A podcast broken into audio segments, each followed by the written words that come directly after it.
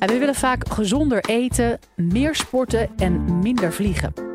Toch komt er van die voornemens vaak weinig terecht.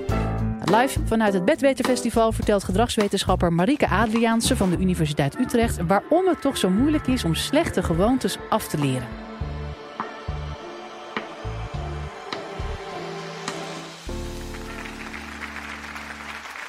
Ik ga het inderdaad hebben over uh, verandering en over gedragsverandering. En dan nog iets specifieker ga ik het hebben over al die gewoontes die we graag willen veranderen. Um, en dat zijn er nogal wat. Je had het net al over stoptober, maar we willen met z'n allen nog veel meer dingen veranderen. We willen graag minder vlees eten, uh, minder stress ervaren, minder op social media, gezonder eten, meer sporten. Um, het zijn nogal wat dingen. En nou, het prototypische moment waar we het dan over hebben, als we het hebben over de goede voornemens en over gedragsverandering, is natuurlijk 1 januari. Uh, wanneer we met z'n allen ook praten over wat we nou eigenlijk willen. Uh, dan hebben we het over alle doelen die we zouden willen bereiken. Hebben we echt eens even nagedacht over wat we het komende jaar nou anders willen doen. Maar waar we het veel minder over hebben met z'n allen, is hoe we dat nou gaan bereiken. En als gedragswetenschapper vind ik dit een gemiste kans. Um, want we denken dus niet na over hoe we ervoor gaan zorgen, welke strategieën we in gaan zetten, zodat we dit jaar op 31 december nou eens met een goed tevreden gevoel terug kunnen kijken uh, op die goede voornemens. Dus laten we gelijk de koe bij de spreekwoordelijke horens vatten. Jullie hebben allemaal interesse in gedragsverandering. Ik ga ervan uit dat jullie minimaal één gewoonte hebben die jullie willen veranderen. Uh, en we gaan inzetten op die strategieën. Want er zijn namelijk best dingen die we weten die effectief kunnen zijn. Zo weten we bijvoorbeeld allemaal best wel dat positief denken de manier is hoe je gedrag verandert. Dat is sinds The Secret geen geheim meer. Als jullie je doel willen behalen, als je je voornemens wil behalen en je gewoonte wil veranderen, dan moet je positief fantaseren over de toekomst. Voor je zien dat het je lukt om je gewoonte te veranderen en kunnen fantaseren over hoe die toekomst eruit ziet. Dus ik wil jullie nu vragen om allemaal even jullie ogen te sluiten en je even één gewoonte voor te stellen die je graag wil veranderen. En fantaseer nou eens even over hoe fijn het zou zijn als dat zou lukken. Hoe goed je je zou voelen op 31 december. En hoe fijn het zou zijn als je dan je hand op kan steken hier, dat jij je voornemen inderdaad behaald hebt. Probeer je echt even in te leven in dat moment en de positieve associaties die je daarmee hebt. Nou goed, ik heb maar 10 minuten, dus dat doen we kort. Uh, hoe voelde dat om dat te doen? Iemand die iets wil roepen? Goed. Opgelucht. Ja, dat klopt. Jullie bevestigen de wetenschappelijke literatuur, gelukkig maar. Uh, het is altijd jammer als je zo'n experiment doet en mensen roepen iets heel anders. Dat is best prettig. Het zorgt voor positieve emoties en geeft vaak ook een soort van ontspannen gevoel. En dat zijn goede dingen, toch? Nou, helaas. Onderzoek van uh, psychologe Gabriele Eutingen laat zien uh, dat die positieve fantasieën helemaal niet zo positief zijn. Ja, ze zijn prettig voor in het hier en nu. Dan hebben ze positieve effecten. Maar om jouw gewoontes te gaan veranderen, uh, zullen ze je niet verder helpen. Integendeel. Zij liet in haar onderzoek bijvoorbeeld zien dat studenten die uh, allerlei positieve fantasieën hebben, hè, naarmate ze meer positieve fantasieën hebben over de transitie naar de arbeidsmarkt, daadwerkelijk minder geld verdienen, minder aanbiedingen van banen hadden gekregen en vooral minder sollicitatiebrieven de deur hadden uitgestuurd. Ze hadden in andere woorden minder actie ondernomen. Want wat gebeurt er wanneer we positieve fantasieën over de toekomst hebben? Dan zijn we mentaal al een beetje aan het genieten van die prachtige baan die we hebben. Van dat bikini-lijf op het strand. En we ervaren geen urgentie om ons gedrag te veranderen. We sluiten, nou soms letterlijk, onze ogen voor de obstakels in het hier en nu. En daar zullen we toch aan moeten geloven, willen we ons gedrag veranderen. Want zonder urgentie geen actie en zonder gedragsverandering eh, blijven die gewoontes gewoon bestaan. Goed. Positieve fantasieën uh, die schrijven we af. Het was misschien ook een beetje te mooi om waar te zijn. Wat moeten we dan doen? Moeten we dan toch, zoals veel geroepen wordt, uh, proberen om dan onze motivatie te vergroten? We moeten gewoon gemotiveerder zijn. Of moeten we toch vertrouwen op uh, de goede oude wilskracht? Nou, helaas. In elk geval als we het hebben over motivatie, wat wel degelijk een goed startpunt is voor gedragsverandering, moet ik u teleurstellen, dit is niet de sleutel tot het veranderen van onze gewoontes. Nou, hoe komt dat? Er zijn een aantal redenen voor. Maar de belangrijkste reden is dat zodra we sterke gewoontes geformuleerd hebben, zodra die gevormd zijn, onze goede voornemens als het ware buitenspel staan in het bepalen van ons gedrag. Nou, dit uh, kun je een beetje voorstellen als je, misschien uh, is dit trouwens wel een boek wat jullie al kennen, Thinking Fast en Thinking Slow. Daarin worden uh, beschreven dat gedrag bepaald wordt eigenlijk door twee systemen. Nou, daar zijn de meeste gedragswetenschappers het wel over eens. Het is een simplificatie van de werkelijkheid, uh, maar welk theoretisch model is dat niet? Um, en dat suggereert dat ons gedrag enerzijds wordt bepaald door het System 1, systeem 1, wat snel, intuïtief, associatief en impulsief is.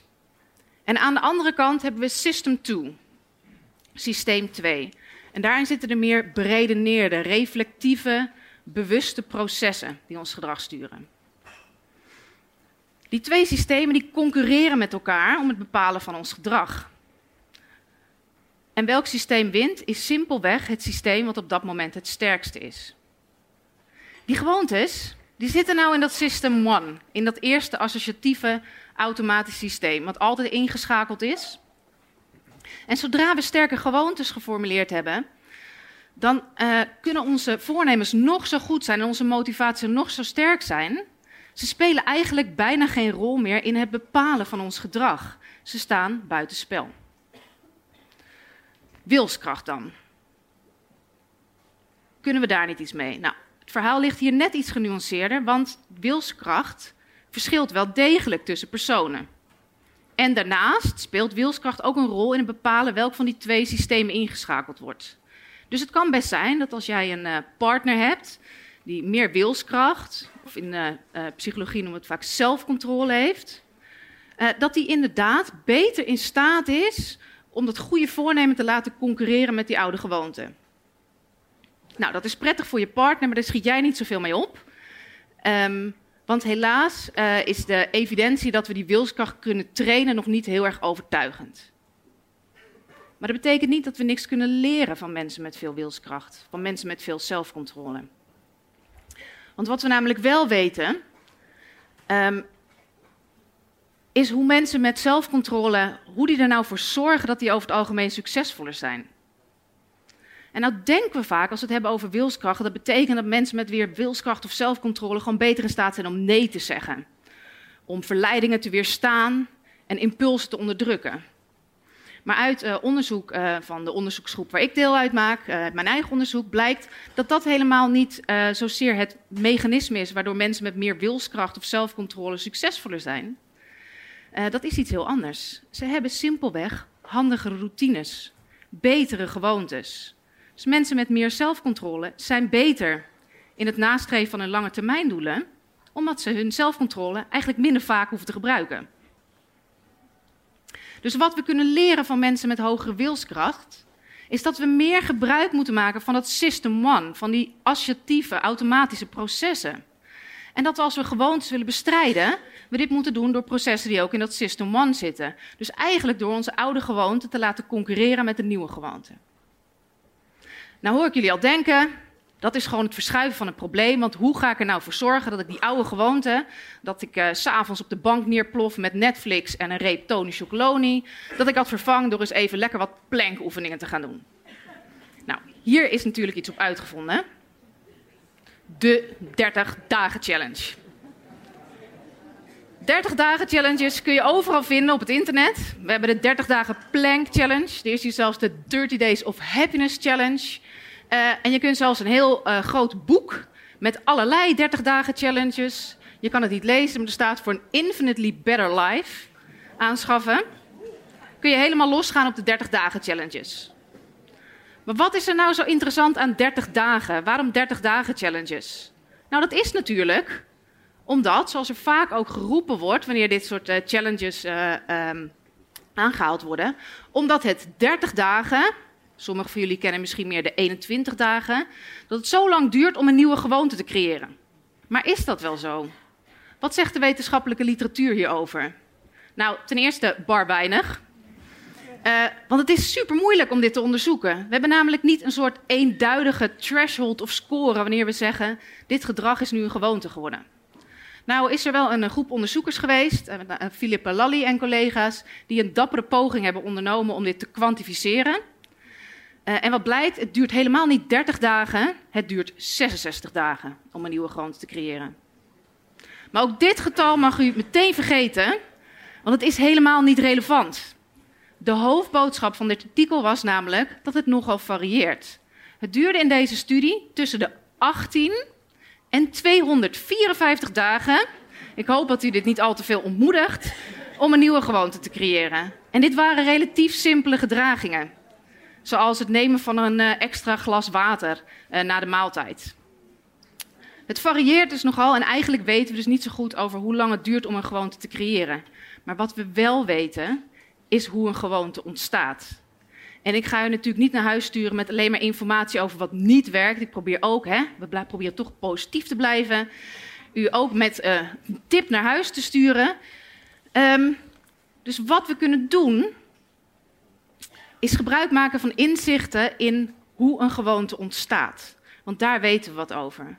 Een gewoonte ontstaat namelijk wanneer ik heel vaak in dezelfde situatie een bepaald gedrag uitvoer om een bepaald doel te behalen. Dus bijvoorbeeld, als ik elke avond om 9 uur, als eindelijk alle kinderen slapen uh, en ik de laatste resten van het avondeten van de vloer gebikt heb, eindelijk op de bank neerplof met mijn favoriete Netflix-serie en de koektrommel pak.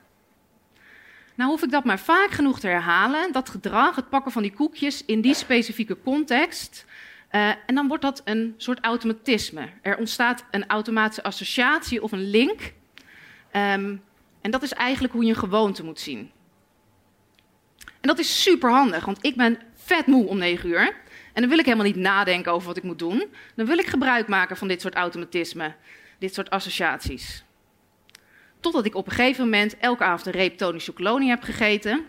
En ik denk dat het misschien toch een verstandig idee is om wat minder te gaan snoepen. En dan worden die gewoontes dus onhandig, zoals ik eerder heb gezegd. Want mijn goede voornemens staan dan buitenspel. Dus ik kan dan nog zo gemotiveerd zijn. Die automatische associatie stuurt mijn gedrag en mijn goede voornemens spelen niet zozeer een rol. En dit is waar we even terug moeten denken. Aan die mensen, die irritante partner met zoveel wilskracht en al die goede routines. En dan kunnen we eigenlijk gebruik gaan maken van die kennis die we hebben over hoe gewoontes ontstaan. En dat kunnen we ook cognitief gaan nabootsen. Het klinkt een beetje als een uh, uh, te mooi om waar te zijn, maar dit is in tegenstelling tot de positieve fantasieën wetenschappelijk aangetoond.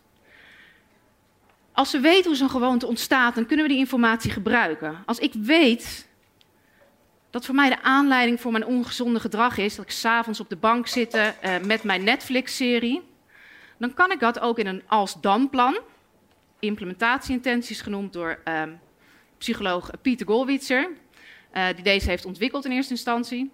Um, dan kan ik dat gebruiken door die associatie te koppelen of die uh, uitlokker te koppelen aan een alternatief. Ik kan me bijvoorbeeld voor gaan stellen en in gaan plannen, als ik één stapje verder wil gaan dan dat goede voornemen, dat de volgende keer als ik op de bank zit met mijn favoriete serie, dat ik een zak worteltjes uh, pak om te gaan eten. En als ik dat plan maar vaak genoeg mentaal herhaal, dan ontstaat er een associatie. Een automatische link tussen die uitlokker, die situatie en dat gedrag. Precies zoals het geval is bij een gewoonte. Precies wat zo kenmerkend is voor een gewoonte. En dat is dus supergoed nieuws. Want we kunnen dat proces van gewoontevorming dus mentaal nabootsen. En daar kunnen we gebruik van maken om te concurreren met die oude gewoonte.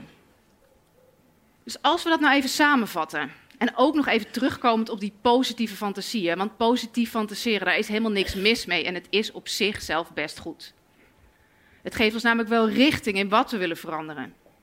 Maar daarnaast moeten we wel terug naar het hier en nu, naar de realiteit van alle dag. En nadenken, niet alleen over wat we zouden willen veranderen, maar ook hoe we het gaan doen. En proberen te kijken of we inzicht hebben in wat het nou is dat ons ongewenste gedrag uitlokt. En als we dat weten, dan kunnen we zo'n als-dan-plan maken. Dan kunnen we plannen maken die verder gaan dan alleen een voornemen van ik wil afvallen of ik wil minder snoepen. En dat plan, uh, en zo, uh, uh, daar heb ik een aantal jaren onderzoek naar gedaan en promovendi van mij. Dat zorgt er daadwerkelijk voor dat je één stapje dichterbij bent bij 31 december, waarbij je dan eindelijk eens positief kan terugkijken en kan denken: yes, dit jaar is het mij gelukt om een gewoonte te veranderen. Wil je nou meer afleveringen van de Universiteit van Nederland horen? Check dan de hele playlist en ontdek het antwoord op vele andere vragen.